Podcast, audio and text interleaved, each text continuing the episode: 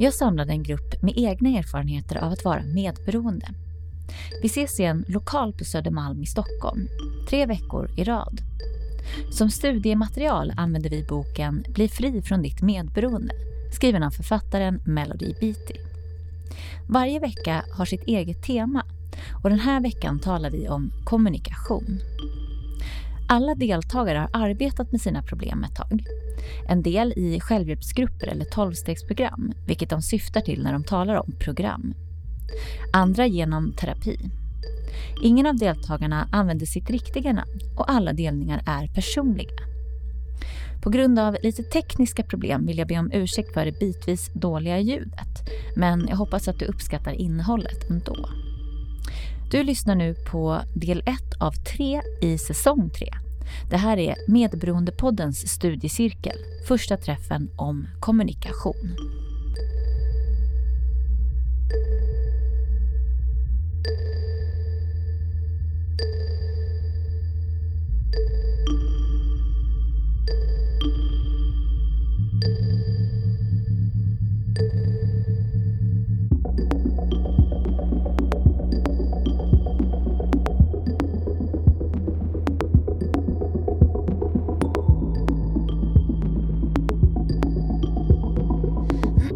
Välkomna hit allihopa. Tack. Tack. Medberoendepoddens studiecirkel är en grupp människor som alla delar medberoendeproblematiken på ett eller annat sätt. Vi kommer att ses tre veckor i rad och dela våra tankar, känslor och vårt hopp med varandra. Varje vecka har sitt eget tema och veckans tema är kommunikation. Jag kommer strax att läsa en inledande text som berör temat. Därefter kommer vi att ha en delningsrunda där var och en får dela sina tankar utifrån temat eller något annat som känns viktigt. För enkelhetens skull ber jag er alla presentera er vid namn följt av medberoende. Och sedan bekräftar vi personen genom att säga hej X tillbaka. Alltså, jag heter Ida och är medberoende. Hej Ida! Eh, varje delning får ta fem minuter. Därefter är det dags att lämna ordet vidare. Vi delar från hjärtat och behandlar både oss själva och andra med respekt. Och nu ska jag läsa dagens text då och vi läser ur eh, Melody Beatys bok Bli fri från ditt medberoende. Många medberoende är dåliga på att kommunicera. Vi väljer omsorgsfullt våra ord för att manipulera våra människor till lags, för att styra, dölja och lindra skuld. Vår kommunikation luktar illa av undertryckta känslor, undertryckta tankar, dolda motiv, känslor av värdelöshet och skam. Vi skrattar när vi vill gråta. Vi säger att vi mår bra när vi inte gör det. Vi tillåter oss själva att bli trakasserade och ihjälslagna. Ibland reagerar vi på olämpliga sätt. Vi rättfärdigar, rationaliserar, kompenserar och lurar andra. Vi kan inte hävda oss själva. Vi tjatar och hotar och sedan ger vi med oss. Ibland ljuger vi. Vi är ofta fientliga. Vi ber ofta om ursäkt och bara antyder vad vi vill ha och behöver. Medberoende är inte direkta. Vi säger inte vad vi menar och vi menar inte vad vi säger. Det är inte med flit vi handlar så här. Vi gör det därför att det är så som vi lärt oss att kommunicera. Vid någon tidpunkt, antingen i vår barndom eller i vår vuxna familj, har vi lärt oss att det är fel att tala om problem och uttrycka känslor och åsikter. Vi har lärt oss att det är fel att ta, tala öppet om vad vi vill ha och behöver. Det var säkerligen fel att säga nej och stå på sig. En alkoholistisk förälder eller en make lär gladeligen ut dessa regler och vi har varit alltför villiga att lära oss dem och att acceptera dem. Som John Powell ställer frågan i titeln på sin utmärkta bok om kommunikation. Why am I afraid to tell you who I am? Varför är vi rädda för att berätta för folk vilka vi är? Var och en av oss måste besvara den frågan. Paul säger eh, att det är för att det vi är Eh, är det enda vi har och vi är rädda för att bli avvisade. En del av oss kanske är rädda för att vi inte är säkra på vilka vi är och vad vi vill säga. Många av oss har varit hämmade och styrda av en eller flera familjeregler som jag diskuterade tidigare i det här kapitlet. Några av oss har varit tvungna att följa dessa regler för att skydda oss själva och för att överleva. Jag tror emellertid att de flesta av oss är rädda för att berätta för folk vilka vi är därför att vi inte tror att det är okej att vara som vi är. Många av oss tycker inte om och litar inte på oss själva. Vi litar inte på våra tankar. Vi litar inte på våra känslor. Vi tror att våra åsikter är helt uppåt väggarna. Vi tycker inte att vi har rätt att säga nej. Vi är inte säkra på vad vi vill ha och behöver. Och om vi vet det känner vi oss skyldiga över att ha önskningar och behov. Och vi tänker minsann inte ställa oss upp och berätta om dem. Vi kanske skäms för att vi har problem.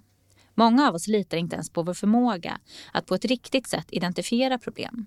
Och vi är mer än villiga att ge vika om någon annan påstår att problemet inte existerar. Kommunikation är inte något mystiskt. De ord vi uttalar speglar vilka vi är. Vad vi tänker, bedömer, känner, värderar, respekterar, älskar, hatar, fruktar, önskar, hoppas på, tror på och tar ställning för. Om vi tror att vi inte klarar av livet kommer vår kommunikation att spegla detta.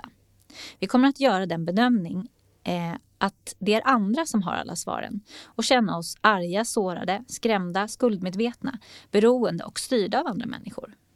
Vi kommer att vilja kontrollera andra, till varje pris vara andra människor till lags och frukta för att bli ogillade eller övergivna.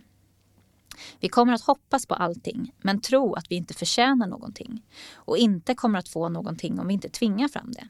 Och fortsätta med att känna oss ansvariga för andra människor, människors känslor och beteende. Vi är fullständigt tilltäppta av negativa känslor och tankar. Inte är det då konstigt att vi har kommunikationsproblem. Det är inte svårt att tala klart och öppet. Det är faktiskt lätt och roligt.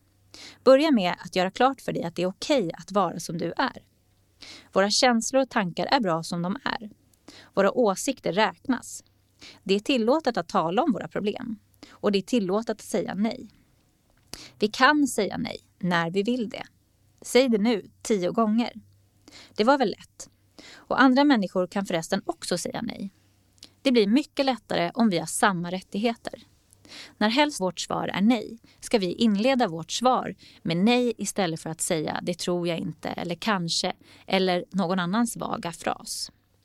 Låt oss säga vad vi menar och mena vad vi säger. Om vi inte vet vad vi menar bör vi vara tysta och tänka över saken. Om vårt svar är jag vet inte ska vi säga jag vet inte. Vi måste lära oss att vara koncisa och sluta lägga dimridåer för folk. Kom snabbt till kärnpunkten och sluta där. Det är nu dags för delningar. Den som sitter till vänster om mig börjar och sedan fortsätter vi medsols. Vi kommer att skicka runt en mikrofon som riktas mot talaren. Så jag ber er alla att vänta med att ta ordet tills mikrofonen är placerad framför er. När alla i rummet har delat kommer jag att avsluta vårt samtal. Varsågod att börja.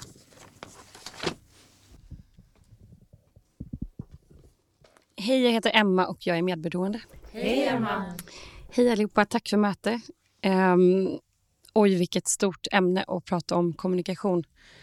Um, för att jag har haft så stora problem med kommunikation genom livet. Eh, det kändes som att du läste eh, boken om mig när du läste den där texten. Ehm, jag växte upp i en väldigt dysfunktionell familj med en mamma som är tablett, eller alkohol och eh, tablettmissbrukare och en pappa som var väldigt medberoende till henne ehm, och väldigt känslomässigt avstängd. Så hela min personlighet fick som barn inte plats i hemmet. Eh, och Jag blev ofta liksom stämplad som gapig, eh, för högljudd. För jag hade den personligheten att jag var utåtagerande till skillnad från mina två andra syskon som var lugnare och liksom beskedligare kanske man säger. Um, så att väldigt tidigt fick jag verkligen liksom, uh, lära mig att jag inte fick plats och just det där med kommunikation blev så svårt för mig för jag eh, behövde ju uttrycka mig och gjorde ju det hela tiden men var ju verkligen inte säker på heller vem jag var eller ja, nej, eh, det blev också så långt för mig när jag var yngre att jag typ fick klump i halsen en imag- alltså så här påhittad klump i halsen för jag tyckte det var så jobbigt att kommunicera. Um, så att, ja, det, var, det känns så stort det här ämnet. Um, men jag har gått i mitt tolvstegsprogram i två och ett halvt år nu. Uh, och där har jag verkligen fått verktyg och uh, alltså en större grund att våga uttrycka vem jag är. Och jag, vi jobbar med en sponsor som liksom guidar i de tolv stegen som jag har gått. Eh, och hela det där arbetet eh, har för mig hjälpt att eh, ja, men inse vem jag är, vad jag tänker, vad jag tycker och att det får ta plats. Eh, så min kommunikation har verkligen förbättrats eh, de här, den här tiden som jag har varit i mitt program. Eh, och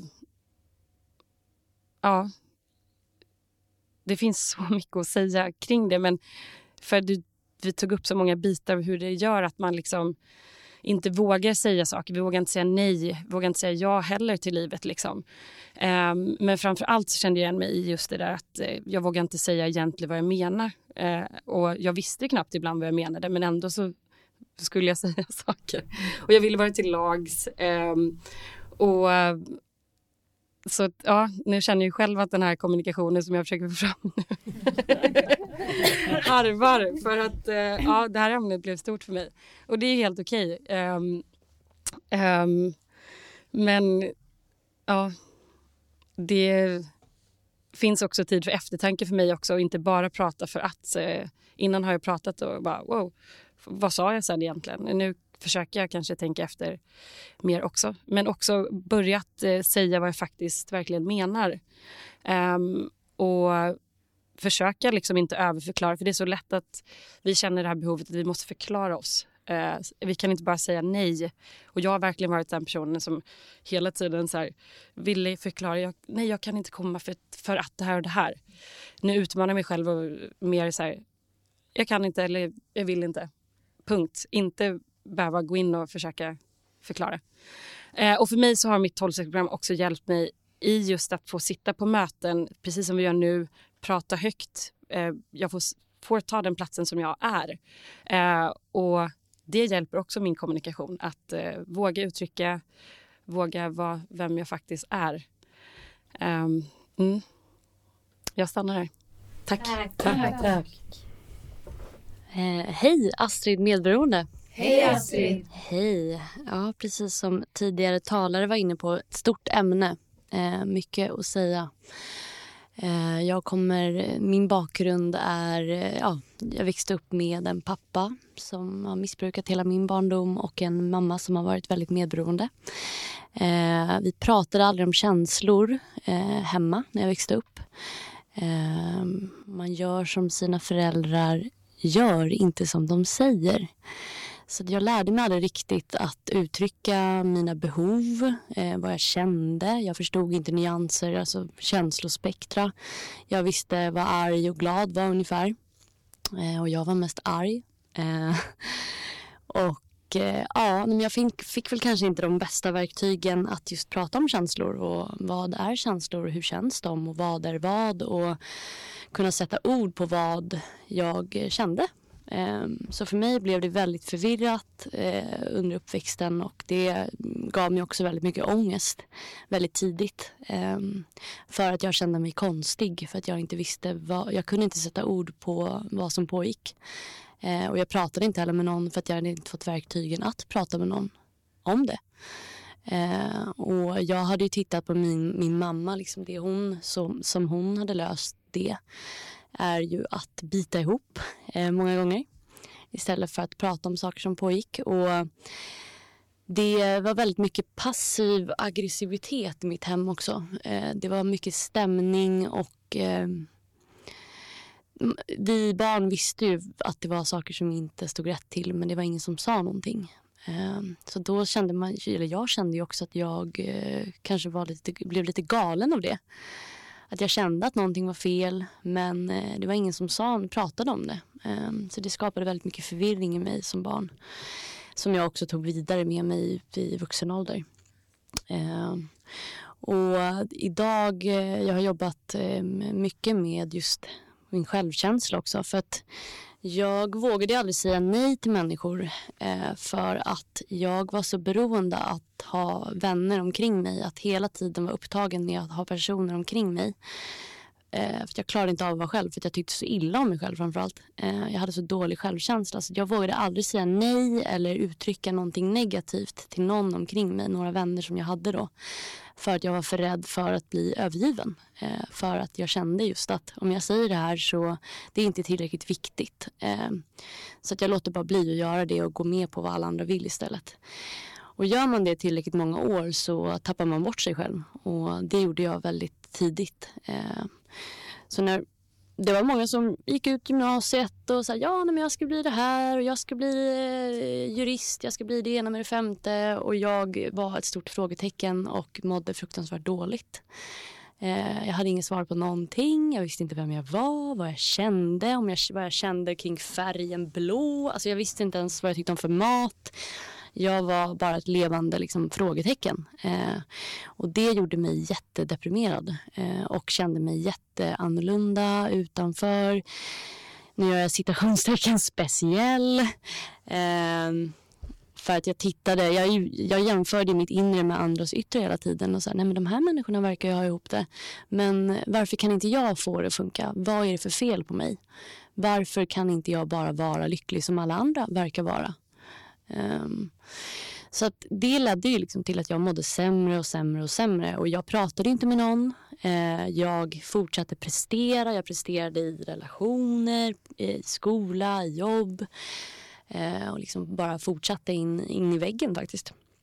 Um, och det är också... Eh, ja, min brist på kommunikation och mina behov har ju lett till att jag ja, men, jag har inte varit lycklig för jag har inte tillgodosett mina egna behov. Jag har inte kunnat göra det eh, förrän jag kom till eh, ja, det tolvstegsprogrammet jag har jobbat i. Eh, och det gav mig verktyg, dels att bygga min självkänsla eh, och våga uttrycka vad jag känner, vad jag tycker om, eh, vad jag inte tycker om framför allt. Eh, nej, det var ett jättestort ord för mig att börja använda och göra det ganska ofta.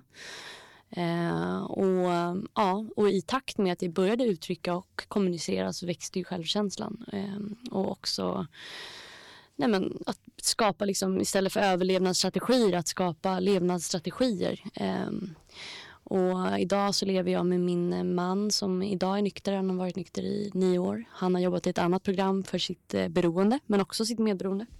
Eh, och vi jobbar jättemycket med kommunikation. Eh, och och eh, ja, vi båda, tack för tid, ska börja avsluta. Vi båda jobbar med eh, ja, kommunikationen tillsammans i vår parrelation. Att varje kväll prata med varandra och svara på några frågor vi faktiskt fick av dig, Ida, för snart två år sedan.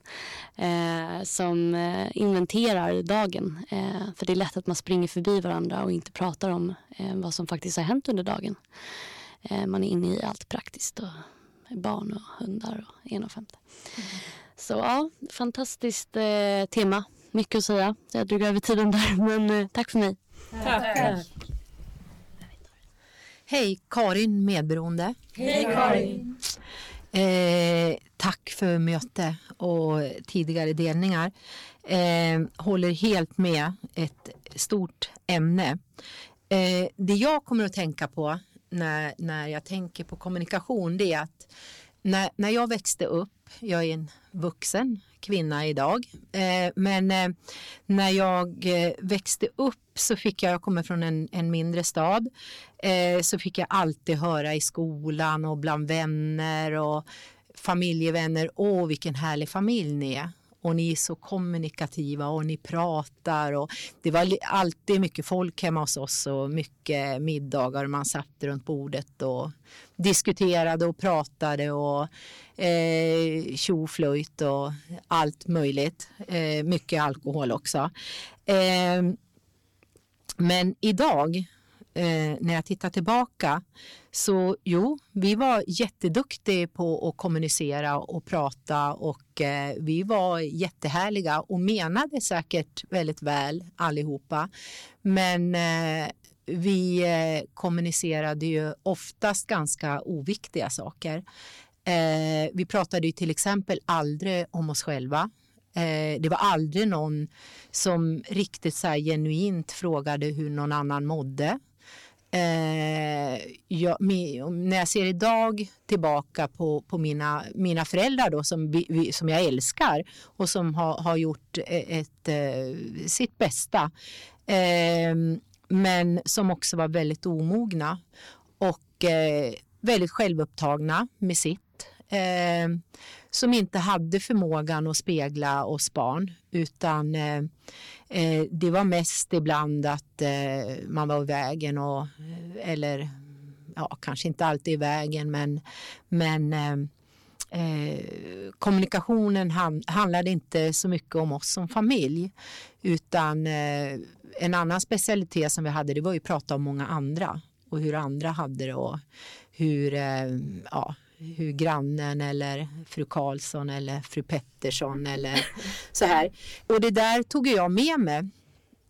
Eh, men jag kommer ju fortfarande ihåg att det, var många många klasskompisar och så här som sa att Karin, du är så härlig och du är så öppen. Eh, men eh, jag pratade ju aldrig egentligen heller om mig själv så mycket utan det var ju, jag hade mycket åsikter om allt. Jag eh, tyckte att jag kunde mycket. Jag eh, så fort det var problem eller det var någon som mådde dåligt i klassen, ja men då var jag där. Eh, det var en del som sa Karin, det är så härligt med dig för du har så oerhört många professioner. Du är liksom Ja, jag var ju läkare och sjuksköterska och eh, eh, jag, jag, var ju allt. Eh, Eh, så här nu efter att ha jobbat ganska mycket med mig själv, i, också i ett tolvstegsprogram, eh, så ser jag ju tydligt vart de här mönstren kommer ifrån. Eh, och idag så har jag accepterat att det är så. Det, det, är så jag blev uppfostrad. Det är så jag har blivit lärd. Eh, men jag försöker ju göra en förändring. Idag har jag själv vuxna barn. Eh, och eh, jag försöker idag att prata om eh, oss, om dem. Eh, försöker inte lägga så mycket vikt vid prestation eh, och sådana saker, utan mera välmående. Eh, Prata om svåra saker. Det var ju också en sak när, under min uppväxt. Jag har ju också en syster som lider av psykisk ohälsa eller faktiskt en, en, en allvarlig form av psykisk ohälsa, schizofreni. Eh, vilket var en sak som vi aldrig pratade om hemma. Eh, och eh, eh det sätter ju spår eh, sen som, som vuxen att man inte pratar om svåra saker. Eh, jag tror ju, det är inte alla som tror det, men jag tror ju faktiskt att eh, man kan prata med barn i, från ganska tidig ålder och inkludera eh, dem i saker som händer i familjen, även om det är jobbiga saker. Eh, för då kommer man mer och bättre förberedd ut i livet. Eh, och det har jag försökt göra och jag försöker att göra det idag också. Eh, men som sagt det är svårt med tack för tid med, med kommunikation och med det kommer ju också gränser vilket jag har haft enormt svårt att sätta men som eh, de senaste åren har blivit mycket, mycket bättre. Tack! Tack! Tack. Hej alla! Diana, medberoende. Hej Diana! Ja, tack för tidigare delningar. Det det är så mycket bilder som strömmar förbi från min barndom och samtidigt så blandar de sig med hur jag har det hemma med mina tonårsdöttrar nu. Så jag blir sådär, var ska jag börja någonstans? Men kommunikation, hemma hos oss så var det alltid okej okay att prata politik och att eh, präster och religiösa var idioter. Så där var man liksom säker. Det fanns liksom några eh, helt okej samtalsämnen som alltid handlade om andra. Men det var inte skvaller. Vi skvallrade aldrig om någon granne eller sådär. För det var lågt. Eh, utan eh, då skulle man liksom, om man skvallrade om någon som var granne då, då var det en typ av klassförräderi. Eh, utan vi var liksom någon typ av arbetarklass eh, som stod liksom, då skulle man stå för allas, eh, man skulle förstå alla. Eh, och så skulle man liksom slå uppåt. Eh, det var väldigt viktigt. Men det här, och det var också 70-tal så det var också socialrealism på väldigt hög nivå.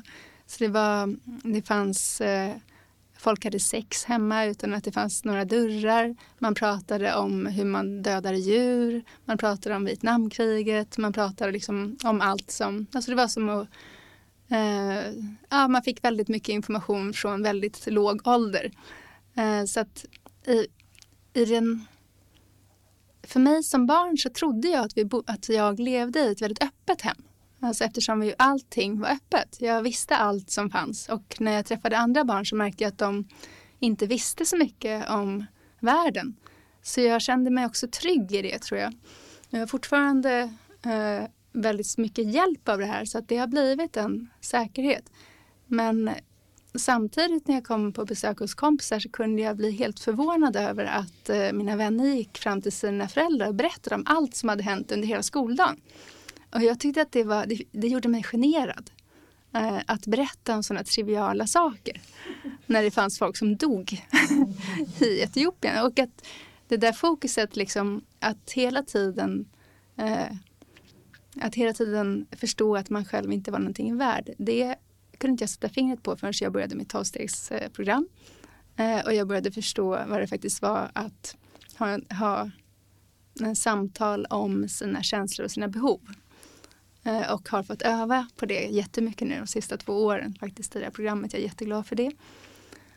Um, och det har också gjort att jag har sett att sen har jag upprepat de här förhållanden som jag hade hemma i mina kompisgäng. Så sen har jag sökt mig till kompisar där vi har haft jätteroligt Eh, och så har vi pratat om andra. Så har vi suttit och kollat på Oprah och, och så här, hatat på folk som sitter i Oprahs soffa.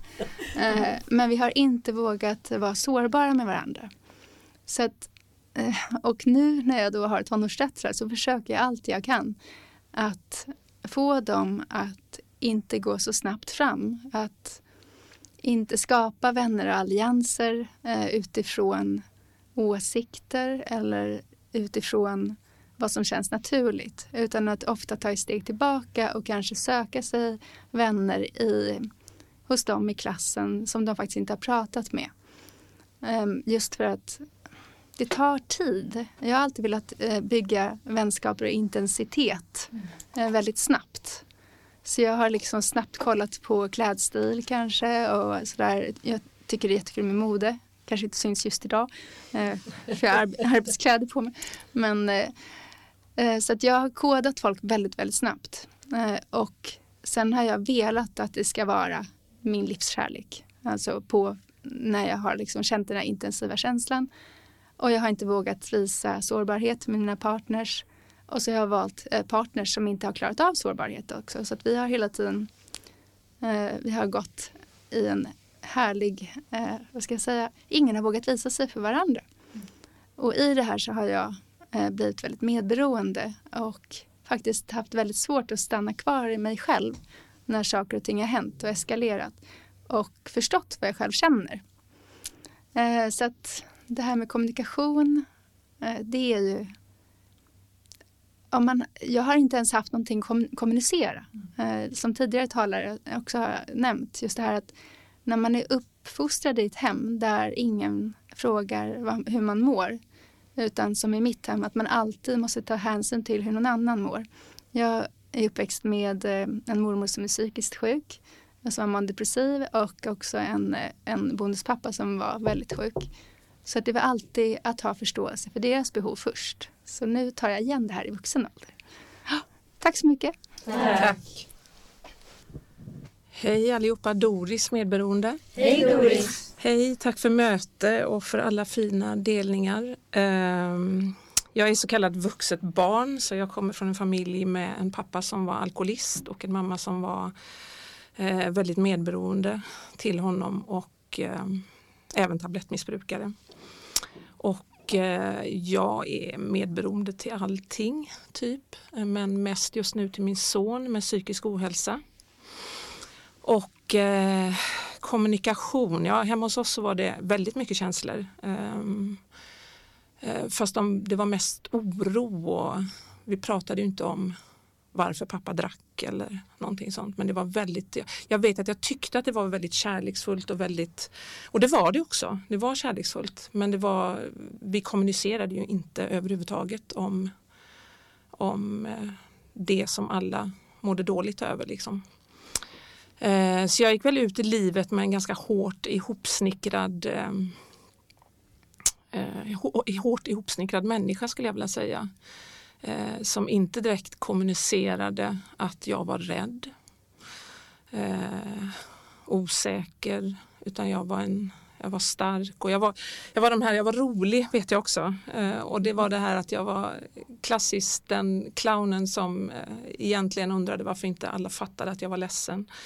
Eller den som var stark och bara skulle behövt säga att snälla hjälp mig eller ta hand om mig, vilket är, jag fortfarande tycker är en utmaning.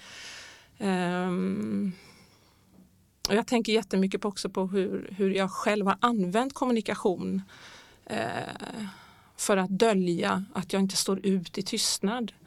Alltså den här käften har gått, om man säger så. Eh, herregud vad jag har tjattrat och skulle prata om allt. Så fort jag har känt ångest, eller jag tänker på mina förhållanden och dessa stackars män jag skulle prata med hela tiden. Eh, det kunde vara vad som helst. Jag vet att min pappa sa alltid att man ska inte gå och lägga sig ovänner. Så här.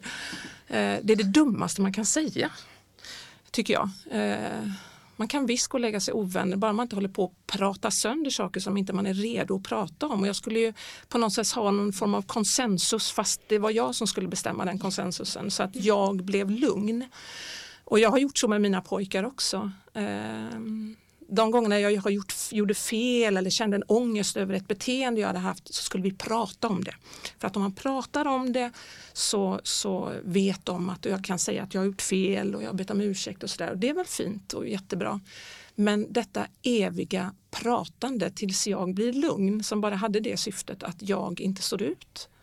Eh, och det kan jag känna är någonting nytt i mitt liv eh, överhuvudtaget sen jag har gått den här tolvstegs eh, gemenskapen. Um, att jag mer och mer vågar vara tyst. Jag har till exempel ett deal med min chef att inte prata på alla möten just nu. Och det är jätteutmanande och jobbigt. Uh, för att jag tycker jag har så mycket bra att säga. Men um, så att vara tyst, att stå ut, att våga stå kvar utan att förklara mig eller att människor ska förstå har också varit något väldigt viktigt. Jag har kunnat på, mm. hålla på med människor som inte faktiskt förstår mig men som har till slut varit tvungna att säga att de förstår. För att jag inte har gett mig. Och så har jag velat tro på det och så har det inte varit så. Därför att det har bara handlat om att jag inte står ut. Uh, och det blir jättetydligt för mig nu när jag sitter här hur stort det har varit i mitt liv. Alltså. Att jag har använt kommunikation på det sättet. Eh, det är häftigt, det kom jag på nu. Eh, så jag försöker göra om, jag försöker vara tyst, jag försöker att, jag har en son som har väldigt dåligt. Eh, jag har jättesvårt att stå ut att inte han pratar om sig själv eller att han utan att han får ha sin, sin resa och sin, eh, ja, sin resa i det här.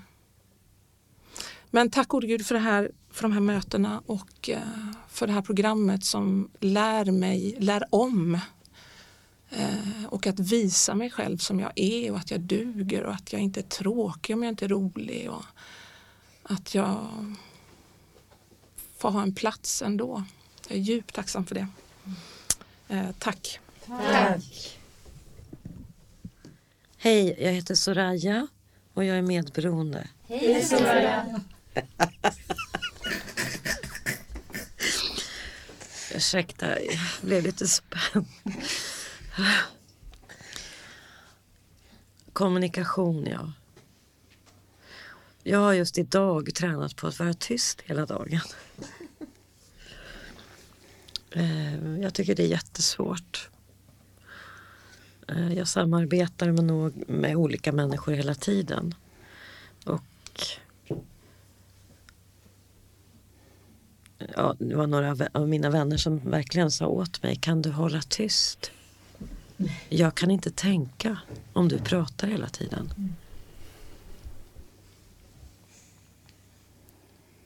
Och det, jag kommer också ihåg min jag pratade högt för mig själv hela tiden också. Jag trodde att mina tankar inte hördes på utsidan. Eh, jag hade mest ett samtal med mig själv och Gud liksom och mina olika världar som jag pratade med. Så när jag skulle börja skolan så min morfar hade, han eh, kunde prata med djur. Ja, han jobbade ganska tragiskt då med att slakta hästar för det mesta, men ändå. Eh, han också förlöste kalvar och så. Så innan jag började skolan så tog han med mig eh, på, vi skulle titta på några nya kalvar som han hade förlöst natten innan och så sa han nu Soraya så får du förstå att de här djuren är väldigt känsliga för de är helt nyfödda. Nu får du tänka lite tystare. Mm. Hör du vad jag tänker? Ja, du, du pratar faktiskt när du tänker. Jaha. Det hade jag ingen aning om. Och det där är någon sorts eh, oerhörd ångest tror jag också. Ett jättestort kontrollbehov av att försöka hålla ordning. I, i, eller bara bekräfta att, att jag finns överhuvudtaget. Jag hör mig själv. Det är på riktigt. Där jag pratar här med det här. Fast bäst kunde jag ju prata med skogen och så. Ja, jag, jag försöker träna på kommunikation. Jag är också jättedålig på att säga nej som en skräck. Eh, ordet nej.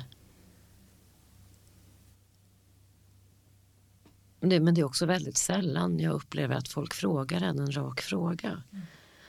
Det är inte bara så att det är svårt att säga nej. Det är också väldigt sällan jag har ett sånt konkret ställningstagande att göra. De flesta frågar på ett inlindat vis också. Och då kan det kännas väldigt hårt att svara en inlindad fråga på ett väldigt rakt sätt. Eh, så jag försöker klura på det där, att vara rak men att då sätta kärleksfulla gränser igen. Som det här programmet har hjälpt mig jätte, jättemycket med. Att, att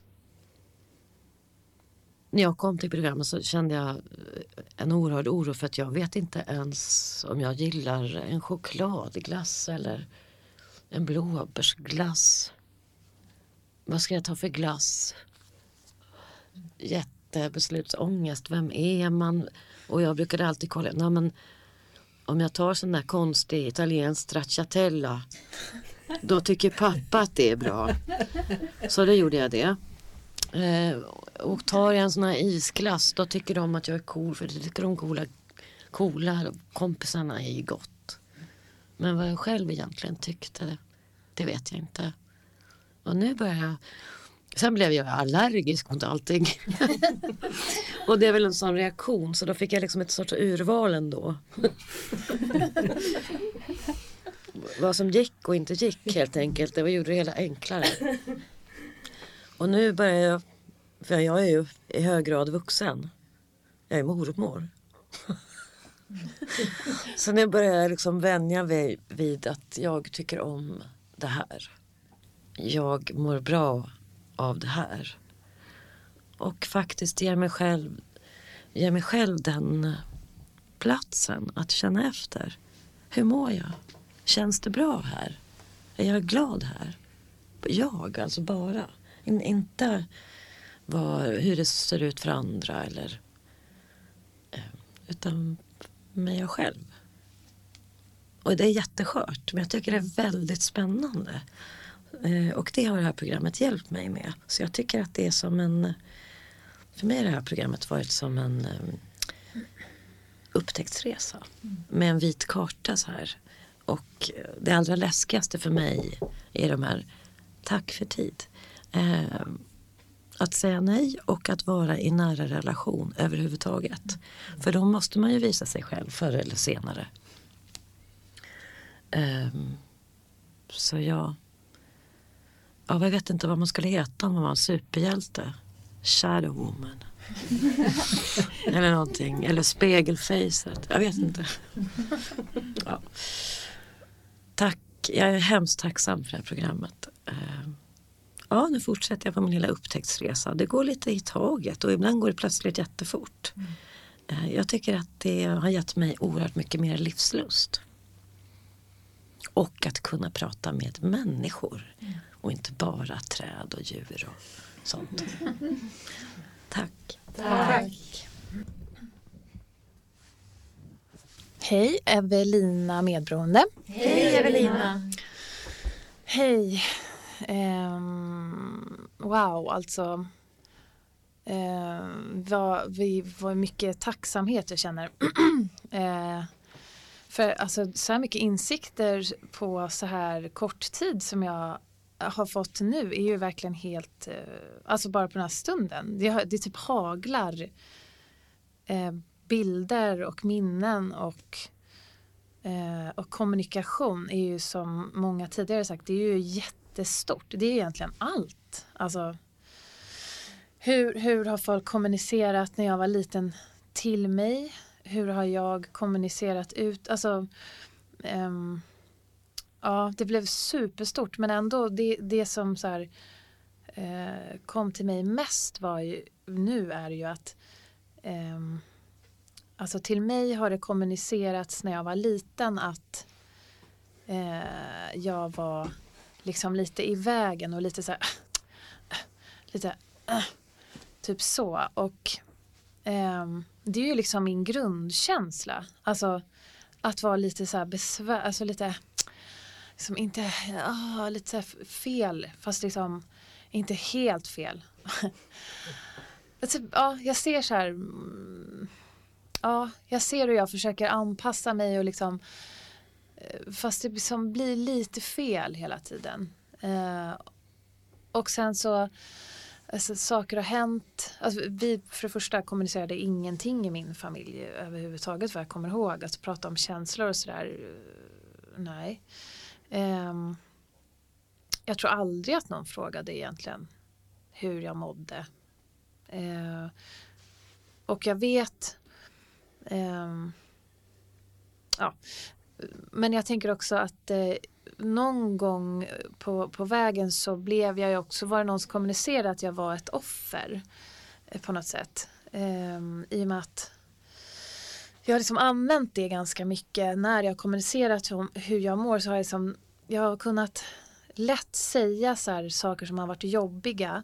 Nästan så här äh, på repeat typ pratat eh, om så här, ja men min pappa försökte ta livet av sig när jag var liten och typ så här äh, och sen nästan, jag har inte känt någonting när jag har berättat det egentligen utan jag har bara sagt det för att jag vet att då blir det en reaktion att det är, är synd om mig och då är jag ett offer och det är ju ändå, då är man i alla fall inte så här, ah", utan då är man, ah, liksom. och sen, ja det var liksom en insikt som kom till mig att det där och det är ju därför jag är så himla rädd för att säga nej. För att jag vill liksom inte få det där, oh, liksom, oh, nej. Så då säger jag ja. ja, den där grejen. Men sen tänker jag också på kläder, mode var någon som pratade om tidigare. Alltså jag har ju kommunicerat extremt, jag har ju känt mig då eh, som tidigare nämndes speciell, utanför, annorlunda. Även fast jag har varit med, jag har varit poppis så har jag liksom Alltså jag har testat mig fram och kommunicera liksom att jag är annorlunda jättemycket. Alltså med kläder och hårfärger och, och musiken liksom. Allt, jag har ju kommunicerat jättemycket också att så här fan allt är inte helt hundra men och fan ingen fattar ju det. Eller jag vet inte, alltså gud. Så det blev. Men så tänker jag också nu så här eh, på kommunikation i familjen, alltså nutid nu. Alltså jag och min fästman, vi kommunicerar extremt dåligt. Det här med att sitta och prata eh, hur dagen har varit. Alltså, händer inte i min familj kan jag säga. Det är typ, vi kollar på Netflix, sen bara godnatt, hej hej helt deppigt just nu faktiskt. Men ändå, det är, det är ingen fara. Men, men vi kommunicerar extremt eh, lite, alltså överlag. Och det blir jättemycket missuppfattningar. Och jag är jättedålig själv på att så här, berätta, alltså oh, jag tror att jag har sagt saker som jag, alltså, men jag har sagt det? Nej, alltså det här kanske är helt meningslöst nu när jag pratar om, men ja. Um, och det är ju, jag är ju dålig på kommunikation, alltså inte så bra på att kommunicera kommunikation när jag inte i, är i mig själv och det kanske är där, där jag landar lite just nutid att jag inte riktigt är i mig själv. Fast under den här lilla tre kvarten som kanske har gått nu så har jag varit i mig själv 100 procent. I'm back alltså. Shit vad skönt. I alla fall i 45 minuter. Uh, ja, men kommunikation är ju så stort alltså. Och tack för allt som har sagts här innan. Jag kan jag känner igen var liksom bitar ur allt nästan egentligen genomgående. Uh, ja, och så här, gud jag har två barn, kommunicera, vad, hur kommunicerar jag med dem? Ja, shit, in, kanske, jag vet inte, bra tror jag, men alltså vad viktigt det är att, att det blir rätt i början. Liksom. Um, för allt är ju kommunikation. Kläd, alltså, precis allt är ju så här, vad förmedlar jag? Liksom? Eh, vad tar jag in? Vad, hur, hur, pratar folk med mig? Alltså, ja, wow, det var coolt. Jag tar med mig det här ämnet hem. Fördjupa mig i det. Tack! Tack. Tack. Mm, hej, jag heter Gunnel och jag är medberoende. Hej Gunnel! Hej! Tack för möte och tack för tidigare delningar. Jag... Ja, kommunikationen. Då tänkte jag ju omedelbart på att jag sämst är ju jag att kommunicera med mig själv. Mm. Faktiskt. Lyssna på mig själv och prata med mig själv och ta det lugnt med mig själv och ge mig själv tid till att vara ledsen att inte springa runt som en iller och göra tusen saker, utan uh, slow down. Det är jag urdålig på. Uh, och det börjar väl där, antar jag. Uh, för jag är rädd för att vara besvärlig att, och jag vill vara till lags och anpassa mig som en äkta medberoende. Jag kom, in, jag kom in i programmet för att min son eh, upptäckte vi då eh, missbrukade mm, marijuana och kokain. Och det är också en annan sak som jag tänker på. Hur kommunicerar jag med en som är sjuk? Det är ju extremt svårt. Eftersom han är ju inte alls på samma planet som jag är på. Han är ju på en helt annan planet. Han kommunicerar med helt andra Eh, tankar och känslor överhuvudtaget om man har om man tänker något eller känner något. Han är ju kidnappad av drogerna faktiskt skulle man kunna säga. Han kommunicerar inte alls. Eh, och då försöker jag kommunicera med honom på ett sätt som jag tror är bra men det funkar ju inte. Eh, jag är uppväxt i en jättesplittrad och stressad familj med massa olika mammor och pappor och olika åldersstyvföräldrar och bonuspappor och allt vad det är. Men mitt medberoende tror jag startade, eller jag vet att det startade först med min pappa som var jätteledsen och deprimerad som jag tog hand om. Men sen, det mesta är ju min syster som var psykiskt sjuk och inte lever längre. Eh, och eh, hon, eh, och jag kände igen en tidigare, eller många delningar här, men just att andra som var sjuka var mycket viktigare än jag. Eftersom jag klarade mig ju. Så jag hade, de andra var ledsna och deprimerade och galna. Så jag, den rollen fanns ju liksom inte kvar för mig. Så jag fick ta någon annan roll och det var ju den roliga, underhållande och den duktiga. Och den har jag ju spelat väl tills eh, jag inte orkar längre, typ. Faktiskt hålla på med det där längre och, och ville kommunicera med mig själv och andra på ett, rikt, på ett organiskt sätt, ett ärligt sätt. Mm. Och, och, så sökte jag mig till det här tolvstegsprogrammet. Men eh, kommunikation Eh, med min syster var ju omöjligt men eftersom hon var sjuk så var hon ju också extremt manipulativ.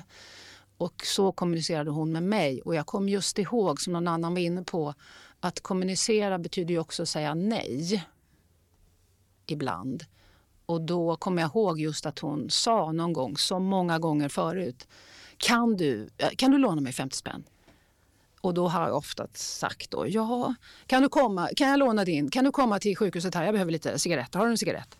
Ja, ja. Kan du gå och köpa cigaretter? Ja, ja.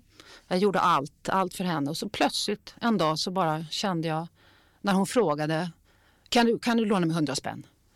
Och jag bara, nej, jag, jag vill faktiskt inte det. Och allting bara, herregud, jag kan säga nej. Och det tänker jag ofta på Eh, när jag då, och det när jag då vill säga nej till min son. När han då både försöker utnyttja mig och manipulera mig och då måste jag ibland säga nej till honom fast allt i mig säger att jag borde säga ja. Mm. Um, och då försöker jag kommunicera rakt med honom och berätta hur jag känner. Och det är ju inte alltid lätt. Verkligen inte. Um, precis. Och, där, och det här programmet i alla fall med kommunikation och vara ärlig med hur jag känner och um, kommunicera det till andra. Det är något av det svåraste som finns. Bara senast idag så fick jag ett sms från en kompis när hon trodde jag var lite missnöjd med hur liksom, sms-kommunikationen hade gått till. Att jag inte kunde komma dit och dit. Och då var jag tvungen att verkligen tänka efter. Nu försöker jag göra henne på bättre humör. Och det försöker jag då. Och det kommunicerar jag att jag är orolig för hur hon mår. Då stoppar jag mig själv just att nej, det är okej. Okay. Jag, jag kan säga nej till henne också, det är helt okej. Okay. Så eh, tack så hemskt mycket alla ni för att eh, jag får vara med på den här resan. Tack! Tack! Hej allihopa! Conny Medberoende. Hej Conny! Tack för alla fina delningar. Känner igen mig i allting som vanligt. Ja, det här med kommunikation. Alltså, för mig har det nog varit så att jag har kommunicerat med hjärnan istället för med hjärtat. Och dessutom så har jag kommunicerat med en hjärna som har varit helt felprogrammerad. Och då, då blir det inte så himla lätt. Jag har nu varit med i mitt tolvstegsprogram för medberoende i drygt två och ett halvt år och mycket har hänt på det känslomässiga området och eh, det är där förändringen har skett och det är jag väldigt tacksam för. Uppväxt med en mamma som är alkoholist, narkoman, psykiskt sjuk och en pappa som var väldigt medberoende. Och eh, som jag ser det så, så jag är ju född in i medberoende. För mig liksom så uppkommer medberoendet eh, när jag som barn inte har föräldrar som ser mig eh, av olika orsaker. Och eh, då blir jag tvungen att skapa en annan person för att bli sedd.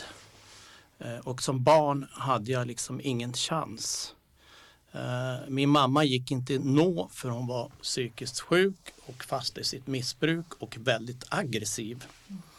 Och min pappa han eh, svarade inte mig när jag försökte prata med honom. Och jag minns jag hade mina knep för att nå fram till dem och ett knep var med min pappa att jag jag började prata om hans jobb. Han jobbade på SJ. Och helt plötsligt efter att han inte har svarat mig tre gånger så började han prata. Så pratade han i en halvtimme om sitt jobb. Och då fick jag ju liv i honom. Men jag var ju totalt ointresserad av hans jobb egentligen. Men då gick det åtminstone att prata med honom. Och sen så hade jag mina andra knep. Uh, och min mamma pratar ju alltid skit om min pappa och min pappa pratade skit om mamma. Så till slut så lärde jag mig det att om jag gick till pappa och sa något illa om mamma då började han ju prata med mig och så tvärtom gick jag till mamma och pratade om pappa så då började hon prata. Mm. Och på det viset så fick jag ut något slags samtal om det fast det är ju inte speciellt bra sätt och att kommunicera och få kontakt på. Eh, för, för, ingen av dem såg ju mig trots att det var så men jag fick någon att prata med i alla fall. Um, sen var det ju också så att i den här familjen där jag växte upp så fick jag ett enormt ansvar. Eh, eftersom min mamma mådde så dåligt och var så aggressiv och hela tiden skulle ta livet av sig. Och gav mig också ett ansvar för det, för det var ofta mitt fel att de skulle ta livet av sig, sa hon, även när jag var lite barn. Och mycket tid gick åt till att liksom vakta den här familjen så det inte hände något hemskt hela tiden. Eh, och det skapade ett enormt eh, medberoende som fortfarande än idag kan jag känna att när jag säger nej till någon eller vill avsluta en relation så kommer personen dö. Det sitter mm. fortfarande i kroppen mm. även om det börjar bli bättre. Och det börjar bli bättre därför att det här programmet har hjälpt mig att förstå på ett känslomässigt plan att jag har bara ansvar för mig själv. Inte för någon annan vuxen människa, inte ens om det är mina familjemedlemmar. Och det har varit kamp att få in det på ett känslomässigt plan men, men nu, nu börjar det faktiskt sitta. Det, det är jag som är den viktigaste personen i mitt liv och inte någon annan. Uh, när jag blev lite äldre så började jag gå i, i, i terapi, vilket jag har gått i många, många, många år. Uh, och det byggde mitt självförtroende. Men det byggde inte min självkänsla. För kommunicera utan självkänsla är väldigt svårt. När jag inte vet vem jag är och vad jag vill egentligen så är det väldigt svårt att kommunicera. Men då lärde jag mig att jag var, blev duktig på vissa saker så att säga. Och de sakerna då, då använde jag speciellt i relationer där jag då försökte övertala den andra att det och det var det bästa för relationen, det och det var den bästa för den personen så att säga. Så använde jag det och var väl ja, en ganska bra åklagare kan man säga. Eh, och jag tyckte att jag vann någon slags kamp. Eh, men idag har jag förstått att det viktigaste är inte att få rätt utan det är att det blir rätt. Eh, och det var det tufft att inse det men, men idag så kan jag känna det. Jag har också tänkt på att eftersom jag växte upp med en sån, tack för tid, med en sån trasig mamma så, så är det mycket av hennes grejer som jag sökt mig till i relationer. Men faktiskt under det här samtalet har jag också kommit på att, att det, de har egenskaper, de kvinnor jag sökt mig till som påminner om min pappa. De svarar inte när jag pratar med dem. Så att det är nog både min mamma och pappa jag sökte i relationer. Den insikten fick jag då. Stanna där, tack. Tack. Då är det dags att runda av mötet. Jag vill tacka er som varit med här idag och som påminner oss om att vi inte är ensamma och att det finns hopp för oss alla. Jag tänker att vi avslutar med att ta varandras händer och eh, säger den klassiska och vackra sinnesrobönen tillsammans. Jag inleder med Gud och sedan säger vi resten ihop. Gud, ge mig sinnesro att acceptera det jag inte kan förändra, mod att förändra det jag kan och förstånd att inse skillnaden. Tack!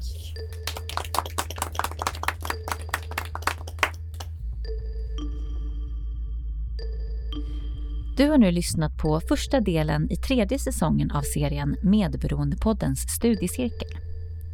Känner du igen dig i någonting av det som sagts och kanske vill veta mer om medberoende eller var du kan vända dig? Då kan du gå in på vår hemsida och adressen är www.medberoendepodden.se.